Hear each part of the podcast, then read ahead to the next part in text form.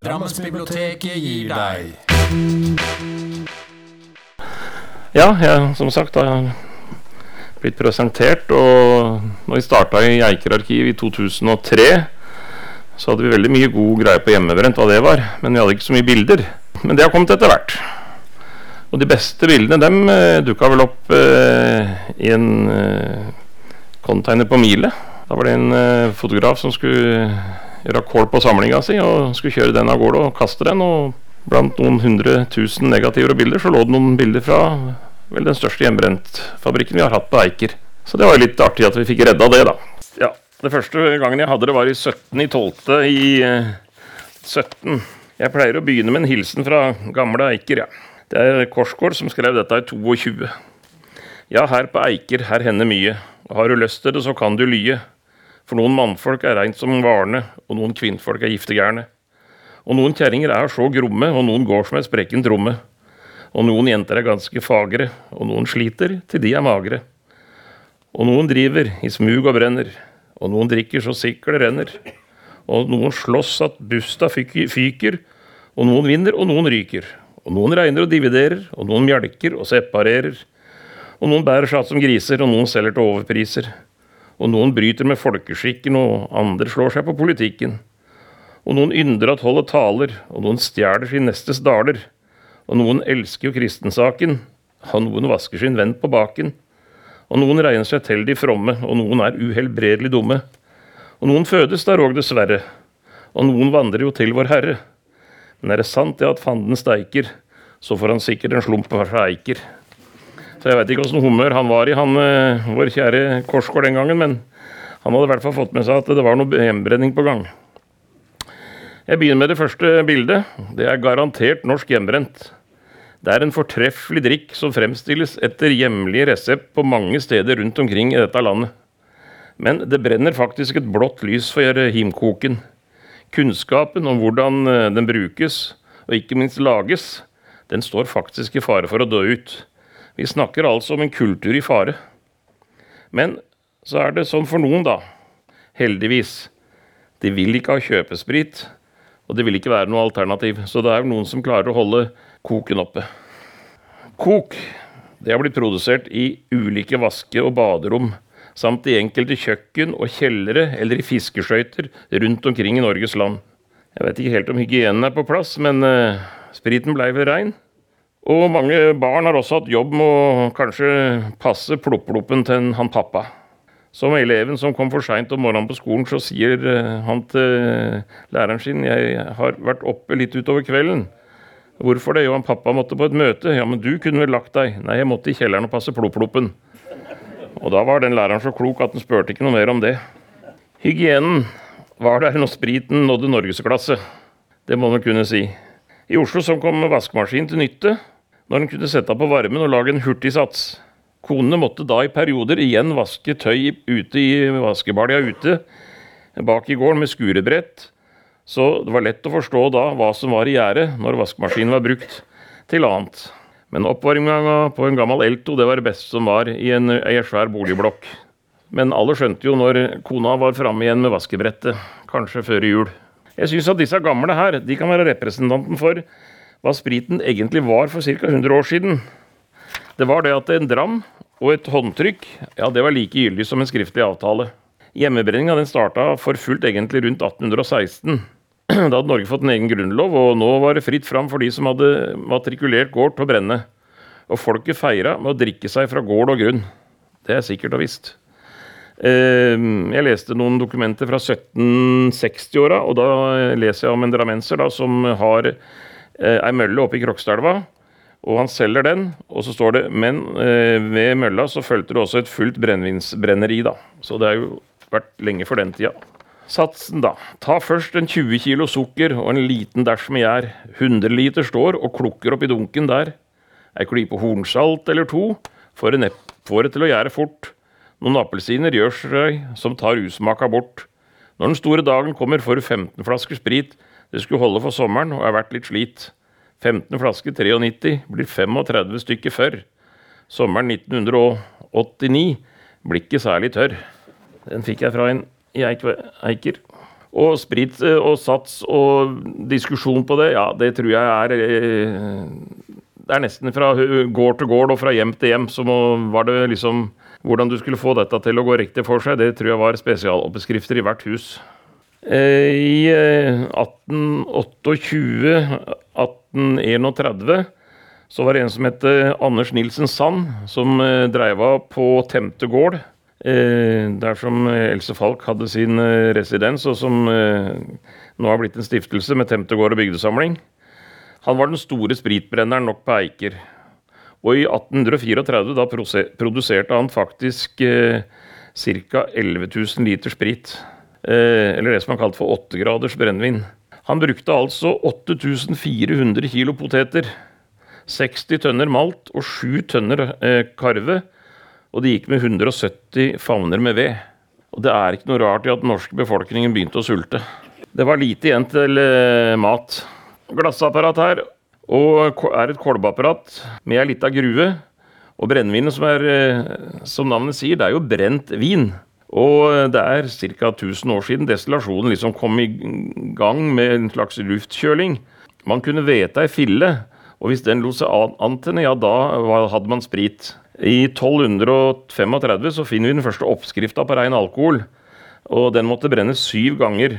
Eh, vannavkjøling det dukka på 1300-tallet. En dempa ild under tørka gjødsel var det beste. Kagga den kom Norge på 1400-tallet som importvare. Når kagga var tom, ja, da er mannen full. Brenning på poteter kommer ikke i gang før på 1800-tallet, som jeg sa, nevnte i stad. Hele tida, for dette var kornene som gjaldt. Korn, korn, korn. Og det sies at spritproduksjon gikk utover brødproduksjon. Det er garantert. Og det er jo rart å tenke på da at uh, spriten var det viktigste, men at i åra rundt 1808 1812 så døde da 70 000 mennesker i dette landet av hungersnød. Det er ikke så lenge siden. Men kornet det gikk faktisk mest til sprit. Karafler er det noen av dere som kanskje samler på, eller har noen av hjemme. Den karaffelen med djevelen på, den er en ganske sjelden vare. Jeg har sett den kun én gang i, på, på, en utstilling. Og det kommer av et uttrykk som vi også har. Når du har drukket nok av den, ja, nå dukker selv fanden opp av flaska. Det kommer av slike figurer som, lå, ja, som var gjemt nedi flaska. da. Etter hvert ble det fint å servere sprit og likør på andre karafler. Og på 1800-tallet så økte bruken av brennevin både som legemiddel, rengjøring og festbruk. Eller kanskje også til å glemme all elendighet. Brennevinet det omtales jo faktisk som legemiddelets mor og dronning. Det var eh, i en periode som sikkert mange av dere har opplevd og husker, så var det disse flaskene som det var sånn lyd på, som du skru, kunne skru opp. Og så hørte du Edelweiss eller noe annet. «håla hi, hålahi, hålaho. Det er klart at den var jo lagd kun for at du skulle, skulle ta deg en, om kvelden, så skulle noen høre at du gjorde det. Så det var en slags kontrollvirksomhet på dette òg. Så hadde den som fikk den i juletre, er ikke sikkert at det var like hyggelig. Den ble fylt opp med sprit, og så plinga det, og da var det kanskje noen som var på plass og sa 'Har du tenkt å ta deg en nå?' Ja. Soldugg, en av de mange kloke leger som fant ut at det kan bli brukt som botemiddel for vorter, liktorn, fregner og ringorm. Selvfølgelig kombinert med sprit. Den hadde undergjørende virkning og ble kalt jomfru Marias tårer. Solduggen har også vært en ingrediens i hostesaft, faktisk helt opp til våres dager. Myske, det kommer tidlig om våren. Blanda du det i brennevin, ja, da mintes du våren hele året. Det er godt for lever og hjerte, samt for og så er det fødselsfremmende. Og urter og brennevin har jo til, vel, hørt sammen i mange, mange, mange år som legemiddel. Sykebrennevinet mitt var noen som ropte etter. Ja. Fyllesvin. Etter hvert kom glassverka i gang, og de produserte både for oppbevaring og, og, og drikking. Både glass og alt mulig. Det ble fyllesvin, det ble fyllehund og andre dyremotiver. Og det var jo klart at en skje full med brennevin for gamle mennesker, ja, det fortærte all sykdom, ble det sagt. Mister man målet, målet mot slutten av livet, ja, da skal du bruke eh, brennevin, står det i oppskrifta. Gjerne noen dråper i øret. Skal du styrke hjernen til den døende, så smør inn hele hodet og ansiktet med sprit. Og det er ikke lenge siden. Stetteglass. Skål, min venn, kommer fra den tiden man drakk av en skål. I noen skåler var det dobbelt bunn. Bunnen var fylt med raslesteiner, så når du tok til skåla, ja, da visste folk at du drakk, og at du var fornøyd. Hvis du ikke drakk, og du ikke rørte skåla, ja, da var du ikke godt likt i den familien. Det gjaldt at det rasla mest mulig i, steinene. Eh, svenskene sier jo en snaps, og det er en munnfull. Og svenskenes eh, sup, Det er en dram. og Den er på ca. 3,71 gram, blir det sagt. Det vil si altså en porsjon mindre sprit, vil jeg si. Brennevinet blei jo etter hvert et problem. Det er klart. Og de første avholdsforeningene her i distriktet de dukker opp i 1840-åra. Og eh, da er det stort sett eh, avholdsforeninger i Kristiania, men eh, mange drammensere begynner da å melde seg inn ikke, Jeg skal ikke si mange. Noen drammensere begynner da å melde seg inn i avholdsforeningene rundt 1840-åra. Men det er først i 1890-åra at de fleste avholdsbevegelsene liksom får sitt fotfeste her i Drammensområdet. Og også oppover i Eikerbygda. Og jeg er sikker på at kanskje mange av dere har kjennskap til losjen og losjevirksomheten.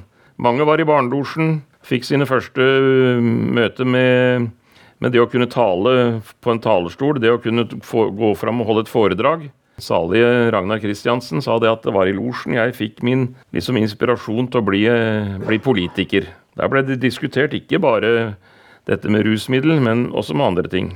Og for Eiker sin del så var det nok det at uh, mange familier gikk, grunn, gikk, rett og slett til grunne når det gjaldt uh, alkoholen. Og i Solbrelva så har vi enda en stein som heter Pokerstein. Og der kan dere tro det er mange som har blitt rike og gått hjem med tom lønningspose. På Solbergs binneri så sto ofte, ikke kanskje kvinnfolka, men det sto ofte folk og venta på de som jobba der, og sa at nå må dere passe på at dere kommer rett hjem og ikke drikker opp alt sammen. Så dukka opp avholdskafeene rundt omkring i landet. Kaffe Globus er vel den vi kjenner eh, til i vårt nærmiljø. Nå er vel Kaffe Globus en saga blått, men bygget er vel i hvert fall viden kjent. Og diskutert i avisen nå hva som skal skje med det. Men Kaffe Globus er vel den, den, som vi kjenner best til. IOGT-saken ble altså en landsvekker fra 1890-åra framover. Og den varte fram til sånn rundt 1970. Uh, I dag så virker avholdsforeningene mer som støtte til andre former for rusmidler. Noe som heter Forut. Så er dette berømmelige spritforbudet, da. Det kommer i 1921, og det varer til 1927. Skulle da bli slutt på hjemmebrent, og da. Den franske dama står på kaia og sier 'Drikk, Ola nordmann, ellers får du ikke beholde fisken din sjøl'. Edru folk handler vi ikke med. Hans blokade var ikke å spøke med. Og som et resultat av dette da, så etablertes da Vinmonopolet i 1922. Jeg skal lese en liten historie her. Han sto der som en syngende bartjener og rista takten. Randi, fullriggeren, satt som fortrolla og så hørte på tonene. De andre forsøkte å synge med gleden stek, og alt lå an til en perfekt nyttårsfest. Sakte begynte skjellakken i flaska å bindes sammen til en klump. Lakken forvandla seg til en stein, eller en klump gylden jade som lå fløt i 80% velsigna sprit. Det hele var et under, som på gata kaltes dunder. Det var bare å spe opp spriten med selters, brus eller annet, og fludiumet var ferdig til servering. Det er den klumpen som vel også blir kalt for Jakob. Den brukte skjellakk og hadde på vel salt, vel. Og rista dette, så fikk du den til å binde seg, og så kunne du da drikke. Og i Solbjelva så vi, hadde vi en eh, kafeteria. Rundt 1923-24 så blei det nok solgt eh, dunder der, for den kaffen kaltes bare for Dunderen. Og det gikk nok litt hardt for seg, for en av småjentene som, til denne som dreiv kaffen, lå, hun lå i rommet ved siden av og sov, og hun ropte 'høy' om natta, for hun syntes vel det blei for mye bråk, da. Så hun blei kalt Dunderdrengen etterpå. Færderspriten. Det var ikke nok med at vi skulle brenne sjøl, men nå gjaldt også smuglinga. Og da må dere vel lese, hvis dere ikke har lest Arthur Omres 'Smuglere'. Færdersplitt ble liksom et ikon det for smuglersånden fotspor. Både tollvesen og politi og smuglere bevæpna seg faktisk. Og det blei sagt at vi vil oss et land som er frelst og fritt for fusel og hjemmebrent væske som ikke skal flyte med gift og med sprit, og gauker og smugler meske. Vi sløser der mer millioner hen på nytteløs jakt etter kanner og menn. Så syns hun kanskje at det var eh, vanskelig å få tak i disse her. Hva med vårt eget område? På 20-tallet så kommer det fra Drammensfjorden en eh, rask motorbåt som da hadde vært ute med spritkannene sine og prøvd å selge noe, og noe hadde sannsynligvis da Eh, blitt levert. Så får de politi etter seg med mitraljøse. Og det blir skutt etter helt til de havner oppe på Fallaksøya. Og eh, spritkannene er da vel hevd ut eh, og, og, lagt vekk. Eh, politiet får ikke tak i dem. Eh, men det altså, det er en, faktisk en, da, en, smugler som da blir forfulgt oppover hele Drammenselva og opp til Fallaksøya. Og, og, det blir skutt etter av politiets, eller tollvesenets patruljebåt. Følge, det kjørte faktisk båten på land og gikk vi land på Ytterkollen og stakk av på Fallaksøya i dag. Hvis du går der, så ser du sånne groper. Og det er groper etter spritkannelagringa. De gravde ned spritkanner, la sand over og pakka det inn, og så kunne de hente det seinere. Så det er noen, en par groper igjen. Kanskje et kulturminne, det. Ja. Du må ta en rask bil, falske politiskilt, og disse bilene var også oppsatt med skytevåpen og selvfølgelig et realt dameselskap. Eh, ofte ble det brukt letting av andre smuglere. Altså det å rappe for andre, for å si det sånn. Skulle du eh, smugle, så var det jo greit å ha en spritdress. Drukkenskapen den 17. mai 1919 står å lese av avisa. Den verste man har sett på 30 år, sier eldre politifolk. Store flokker av ungdom brølte og sang, de gestikulerte som gærne mennesker. Det er totalforbud, og dette skulle bli den tørreste 17. mai noensinne, hevdet eh, regjeringa. Hva disse menneskene har fått å drikke, må du, må du være den skadeligste og farligste art. 170 personer ble arrestert for drukkenskap, og noen var så dødsdrukne at de måtte bæres i arresten på sykebåret. 1919-festen. Spritdressen. Altså, hvis dere går inn i Drammens Tidende og ser, når vi begynner å komme opp i 20-30-åra, så har vi altså et rekordstort antall brennerier på Eiker. Eh, og du kan lese om det igjen. Det er, det er som en roman. To brennevinsfat som kokekar og fyring med bjørkeved ved Åletjern. Lensmannen uttaler det største han har sett på disse kanter. Full virksomhet av lensmannen kom til og forstyrret hele idyllen. Hovedmannen skildres som en hjemmebrenner av dimensjoner. Like ved brennevinet blei det funnet flere mave- og ryggtanker som var moderne blant smuglere fra, denne, fra den siden her, da, fra den tida her. Det var en måte å få med seg spriten på. Spanskesjuka, den krevde jo også konjakk. Og eh, dr. Kamstrup på Killingerud han holdt folk i live ved hjelp av sprit helt fram til sin død, altså i 1906. Eh, hvis du hosta og herka litt, så sa han det er nok eh, godt med en flaske med, med 60 sa han. Så rekvirerte han det. Og det ble sagt at det la enhver fabrikkeier være som en far eh, for sine arbeidere. Én dram når de kommer, og én når de går. Og I 1908 så ble det fra fabrikkens side gitt tillatelse til ei halv flaske per husstand i uka. Og var du sjuk, da? Ja, du er heldig du, Christian, som er tæring og får så mange resepter du bare vil. Det var jo ofte det det gikk på, at du måtte snakke med en doktor, og var du sjuk og skral da, så kunne du få deg en resept på noe, som de sa. Fredrikshall-humor. Gamle leger satt i senga og skrev ut resepter. Noen leger satte sekretæren i gang med underskrifter, og legene kunne gå tom for resepter og brukte da det glansa dopapir isteden. Det var vel en Fredrikstad-lege som eh, faktisk var oppe i ei inntekt på 200 000 kroner i 1920. Han kunne ta inn fem og fem personer av gangen. Det var fastlege, det. Og han klarte faktisk 48 000 resepter i løpet av et år.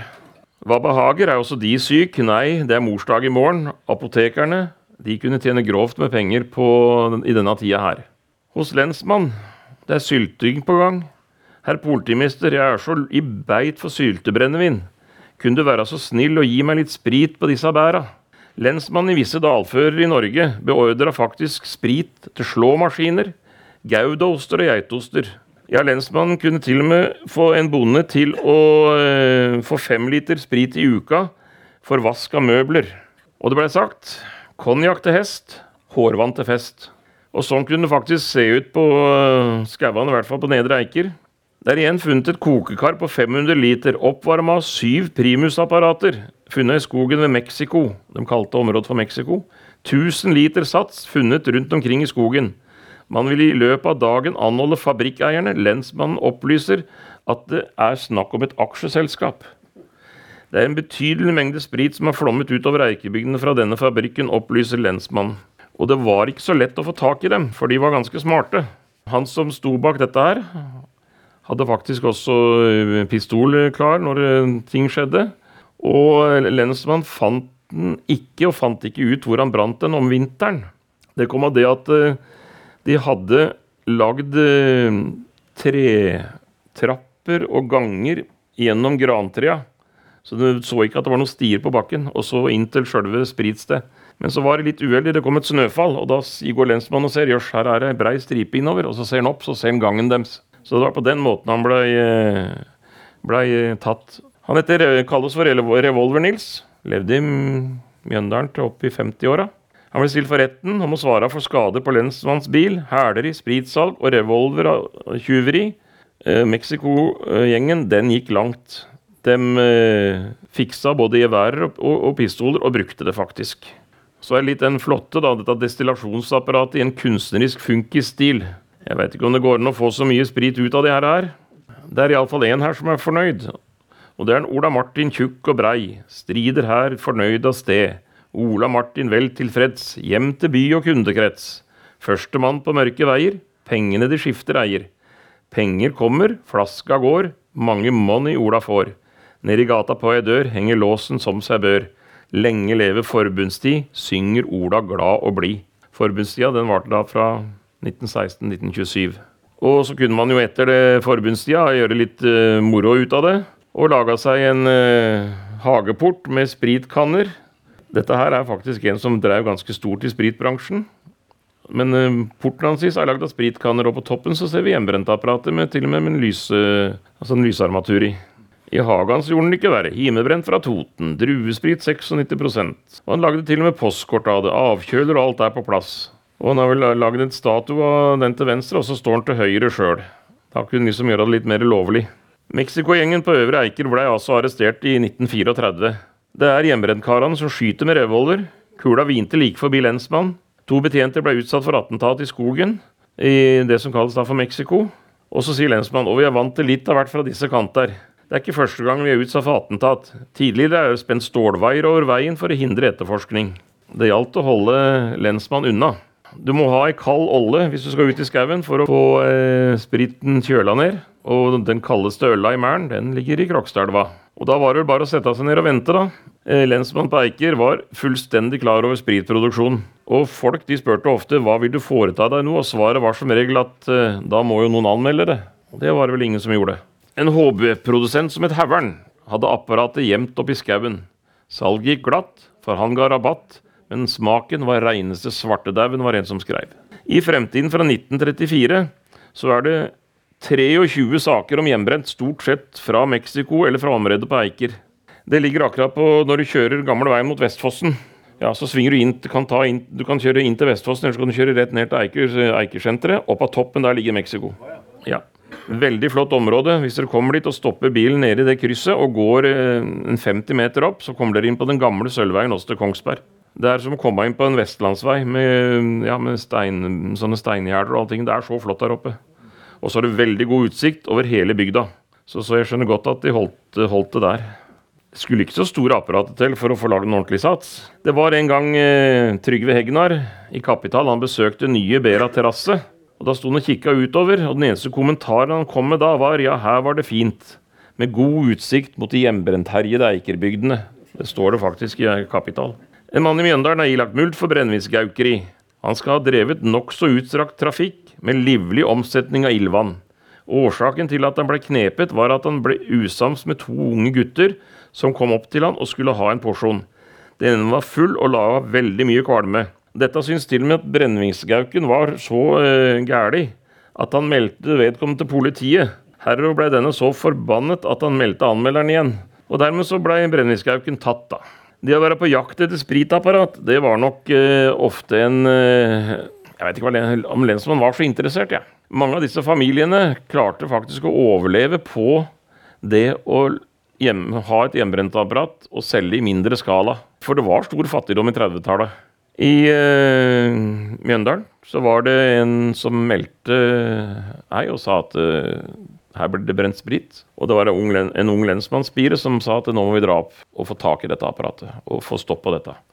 Og lensmannen sa ja, vi kan vel det. Og de dro opp, og de leita gjennom hele huset, uthuset, stabbur og allting, og fant absolutt ingentingen. Men så kommer han unge lensmannsspira ut og sier han, her sier han, her har vi beviset. Det var ei flaske som det var så mye på. Og eh, hun som da hadde brent den spriten, hun sto og kikka på den, og så tar han lensmannsbetjenten korken, om liten slurk, og spytter ut. Smeller den igjen. Dette var det verste jeg har smakt. Ja, vil du se på apparatet, sa kjerringa, så løfta opp skjørtene. Da veit vi hva hun hadde gjort på den flaska. Det blei ikke mer kontroll i det huset der. Og noen lensmenn var så greie at de ringte på forhånd eller fikk ildbud opp og sa at du, nå er det like før vi kommer. Så nå må du ordne opp. Det er altså eh, parafinkanner og eh, primuser og kjemiske formelen. Det var sukker og vann og gjær. Og eh, det som var da, var at denne her hadde ansatt tre stykker, for han sjøl var ute i militærtjeneste. Så da hadde han satt inn tre stykker pluss en assistent for å holde, holde unna. Så det var altså moonshining på Eiker så det holdt, og sikkert også i Drammensområdet. Det må vi regne med. Det, vi fikk et hjemmebrentapparat. Vi samler på hjemmebrentapparater, for å si det sånn. De har havna opp også oppe på gården til Else Falk, oppe på Temte gård. Så vi har vel en åtte-ti stykker som vi har tatt vare på i, i alle mulige fasonger. Det er ikke mer enn tre år siden jeg var i eh, kjelleren for politiet og henta et. Det kom fra Svelvik, og da sto det til og med ved navnet på hvem som hadde vært, vært henta hos. da. Så vi fikk nappa av den, også, men da ringte var en politimann som ringte meg og sa du nå har vi et hjemmerettsapparat. Så det var mer avansert. Men uh, vi fikk et fra Eiksetra, og det var rett og slett en av de gamle Freia kakaoboksene. Også med bare et rør ut. Enkelt som bare det, men det er å samle litt av den historien nå. En kultur i fare. Jeg veit ikke om den smakte på spriten sjøl, men det måtte vel ha en være viss edruelighet når de holdt på med dette her. Og det er jo fantastisk å se disse, at disse bildene har blitt redda, og da for å si det sånn, at, det, at de finnes. Og det måtte jo vært ganske tøffe, disse karene da, som lot seg avbilde og avfotografere. For dette havna hos eh, fotograf Holte i, uh, i Mjøndalen. Han måtte jo fremkalle bildene. Og han tok selvfølgelig kopier til seg sjøl, det er derfor vi har dem. Så, så, så, så det blei vel kopiert noen, da. Også. Men jeg syns det er eh, realt gjort å ta bilde av seg sjøl i den situasjonen. 15 meter ned måtte lensmann fires i en av de gamle og forlatte gruene på Skarra i Øvre Eiker. Her fant han eh, et hjemmebrent eh, hjemmebrenneri da, som var fullt intakt. Det er som en hjemmebrent eh, roman, skriver eh, lensmann i sine notater. Og det står også i fremtiden. Og det snakkes enda om de meksikanske forholdene på Eiker, som da også hadde begynt å dra seg opp mot Øvre Eiker. Hjemmebrent fabrikk i Drammen. Kanskje dere har hørt navnet Hertas Flak?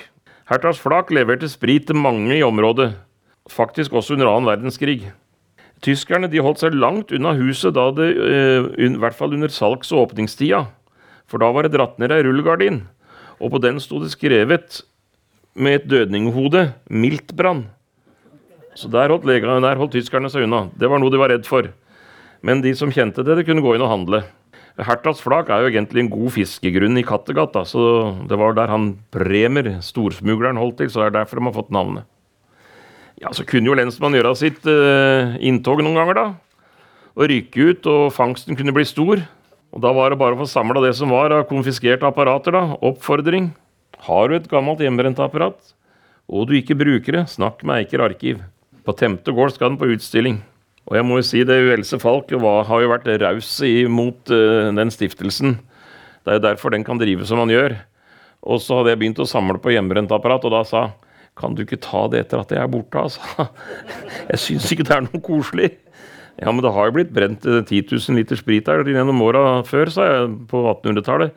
Det er for lenge siden, sa men Vent, altså. Så hun var ikke så helt uh, Hun sa det med et smil om munnen, men hun mente 'vent med det', sa Else var jo gammel mjøndøling, så hun kjente vel sikkert til det. Nye vaskemaskiner, som jeg sa i stad. Få uh, ut balja og sett satsen oppi. Fin, riktig temperatur. Da holder det godt. Igjen konfiskerte uh, ting fra lensmannskontoret. De tok jo noen bilder for å ha bevis. Der sånn har vi et parti fra Nedre Eiker. Her hadde lensmannen tatt faktisk en som hadde fylt sekken sin med hjemmebrent og var på vei nedover Hagakjensbakken. Så han måtte jo stoppe han, da. Det som skjedde her, var at uh, partiet blei tatt og satt opp på etasje i lensmannskontoret med 50 kilo sukker. Og lensmannen var veldig, fornøyd. Det var bare det at det var innbrudd om natta, alt var borte igjen. Det var faktisk også kvinner som hadde yrke, og det var spritoppassersker. Og min gamle kollega Aud Finsen hun fortalte det at hun flyttet til Mjøndalen. Og så ble jeg bedt om å passe på det som sto i annen etasje. Og hun hadde aldri opplevd noe sånt, så hun var uh, tru og gikk opp og passa da apparatet mens mannen var ute med kofferter og solgte sprit. Ja, eksempel på hjemmebrentapparat. Det er ikke svære greiene. Jeg veit ikke hva det er med smaken. Det er vel ikke noen av dere som har blitt lurt i hjemmebrent noen gang, eller smakt på det? Nei. Var essensen, eller var det kullfiltreringa som var gæli? Eller smakte det spylevæske eller kaustiksoda eller solusjon? Eller var det bare julekake? Spriten har uh, hatt forskjellige smaker. Dere får holde litt for ørene, men blander du kulturmjølk og kok, kulturmjølk og kok, da får du drinken som heter sæd- og urinsupp. Den må røres jevnlig da den har lett for å skille seg. Valdres sjampis, ja det er Nyco hjemmebrent, og den må drikkes mens den bruser. Modum Campari, ja det er hjemmebrent og neseblod. Eiker Lumumba, det er kok, helmelk og O'boy. Rett i toppen, det er pulverkaffe uten vann og bare kok. Så der fikk du noen oppskrifter. Hva gjør hun eh, på barnehjelpstogen i eh, Nedre Eiker på 50-tallet? Jo, da lager du Ravnekroken, som var et, sted de kokte mye. Og så eh, lager du barnehjelpstokt med ett øre til barna. Med kokapparat og det hele. Ja, vi elsker kok, står det. Ungene jubla. Det var en fest en gang som lensmann faktisk ble, En offentlig fest som lensmann faktisk ble skjenka på kok. Og det gikk forferdelig galt. Lensmannen blei rett og slett full. Og han ble båret ut. Og han ble lagt uh, utafor lokalet. Og etter ei stund så blei det såpass mye slåsskamp inne at det er plutselig en som skriker Nå må dere jaggu meg se og roe dere, ellers så bærer vi lensmann på dere. Ja, Men Ravnekroken hadde sin uh, spesial, da. Ja, Så hvorfor ikke lage et hageselskap? Ta med seg hjemmebrentapparatet ut og ta bilder. Jeg syns vi er vågale. Dette er også bilder som har vært innom Holtes fotoforretning og blitt kopiert. Lensmann var ofte på kontroll for å se om det var noe hjemmelagd rundt omkring i bygdene. Når lensmann kom, så gikk det jo som en løpeild gjennom lokalet. Nå kommer lensmann. Da var det om vinteren så var det bare å ta flaska og så stikke ut i snøen, og så gå inn igjen. Plutselig så sto lensmannen i døra. 'Dere karer', sa han. 'Brøytebilen er underveis'. Ja, så han var vel grei, da. Dårlig sprit? Ja. Den skal vel være best hvis du oppbevarer den i sånn minus 20 grader. Så noen ganger så måtte lensmannen gjøre sitt, da. Og her har vi fra Krokstadelva på 1980-tallet. Kassefabrikken i Prestebråtan. Og var et ynda sted da for hjemmebrent. Eh, og apparatet, var, nei, eller eh, spritsatsdunken, var da svær nok. Ja, det var vel 20 000 liter. Jacobsen og Gevelten fikk vel litt å forske på der, sånn tenker jeg. Og det kom jo til og med en septikbil og tømte. Det var vel 15 000 liter, tror jeg, som den fikk tømt. Dette er vel ikke akkurat det hyggeligste bildet, men eh, det er mange av oss som har opplevd det her. Det å kunne få kjøpt ei kanne med en rødkork, fem liter. Det rare var det at kampanjen Stopp hjemmebrenten, den starta faktisk opp i 96. 1996. Jeg veit ikke om det er symbolsk årstall, jeg. eller om det bare var en tilfeldighet. Lensmannen definerte en fabrikk som et sted der profesjonelle kom på banen. Eh, der BMW-en sto klar med kanner på bestemte steder utafor skolene, som, regel på en fredag. Og det er så profitt når faktisk fiskekjøpmannen, fiskekjøpmannen selger 200 tonn med sukker i året. Fiskematkjøpmannen han solgte 200 tonn med sukker i året, og han blei tatt. Og så spurte han om han var klar over hva sukkeret bruktes til i retten. Og han ble også spurt om han trodde det gikk til uh, spritproduksjon. Så svarte han tørt ja, jeg hadde det i tankene. Og mer var ikke av det. På Solbergmoen også et svær lass med sprit som forsvant inn i, eh, til lensmannen. Falken var også henta det. Før så samla alle seg rundt kanna på bordet og snakka om hjemmebrent. Jeg tror nå samler vi mest om kjøpe- og polvarer, jeg. Ja. Men som sagt, det er sånn at noen, for noen så blir hjemmebrenten aldri eh, et, eh, noe som går over. Det er noe de må ha. Det var mange av kjøpmennene som hadde en avtale med dem som handla på bok, at du da på lørdagen eller det var torsdagen du kjørte ut varer, at du da ble også lagt ei flaske sprit nede i eh, kassa som du da hadde med ut til dem som skulle ha varene. da. Og, og i Nedre Eiker så har vi jo eh, to kjøpmenn som ble tatt på 80-tallet. Og de, de, var jo da rundt 80 år begge to. De hadde jo da solgt sprit i kanskje siden 1930-40-åra. Så, så, så, så, det var mange som hadde det. Og, du veit, vi hadde også en og I Øvre Eiker hadde vi også en, uh, en doktor som også skrev ut forferdelig mye medisiner. På, eller medisinsk sprit, da. Og det er klart at dette var ikke på langt nær det, det, var jo ikke bra. For det ga, det ga fyll, og det ga spetakkel, og, og, og det, det dro med seg mye elendighet, det må man bare si. Eh, men eh, det er klart, eh, den hjemmebrenten du brant hjemme, den kunne du kanskje Når du holdt den for deg sjøl og ikke begynte å selge, så gikk det kanskje mye bedre. Da brant du kanskje til jul, og du brant kanskje til påske. Akkurat der jeg bor, så var det et hjemmerenteapparat som gikk på rundgang. Og det, alle visste jo når det apparatet skulle flyttes til neste hus. For da kom det en mann med et trillebår med en sekk over. Og da visste de at ja, nå er du ferdig med brenning, ja, da skal det neste liksom, Det var så hemmelig at liksom alle visste om det. Og den dagen vindkjola tok tak i sekken, og det ble til seg, så var det ingen som brød seg om det. På Solberg skole så var det også en, eh, en guttegjeng som fant eh, sånn halvfrossen sats. Og den tok de og la opp av vedovnen inne på det skolelokalet. Og det lukta faktisk eh, god kok en hel etterpå. Og den ene læreren han var litt sånn Jeg lurer på hva det er her, sånn. Jeg syns det lukter brennevin her, jeg, sånn. Det var ingen som sa noe, men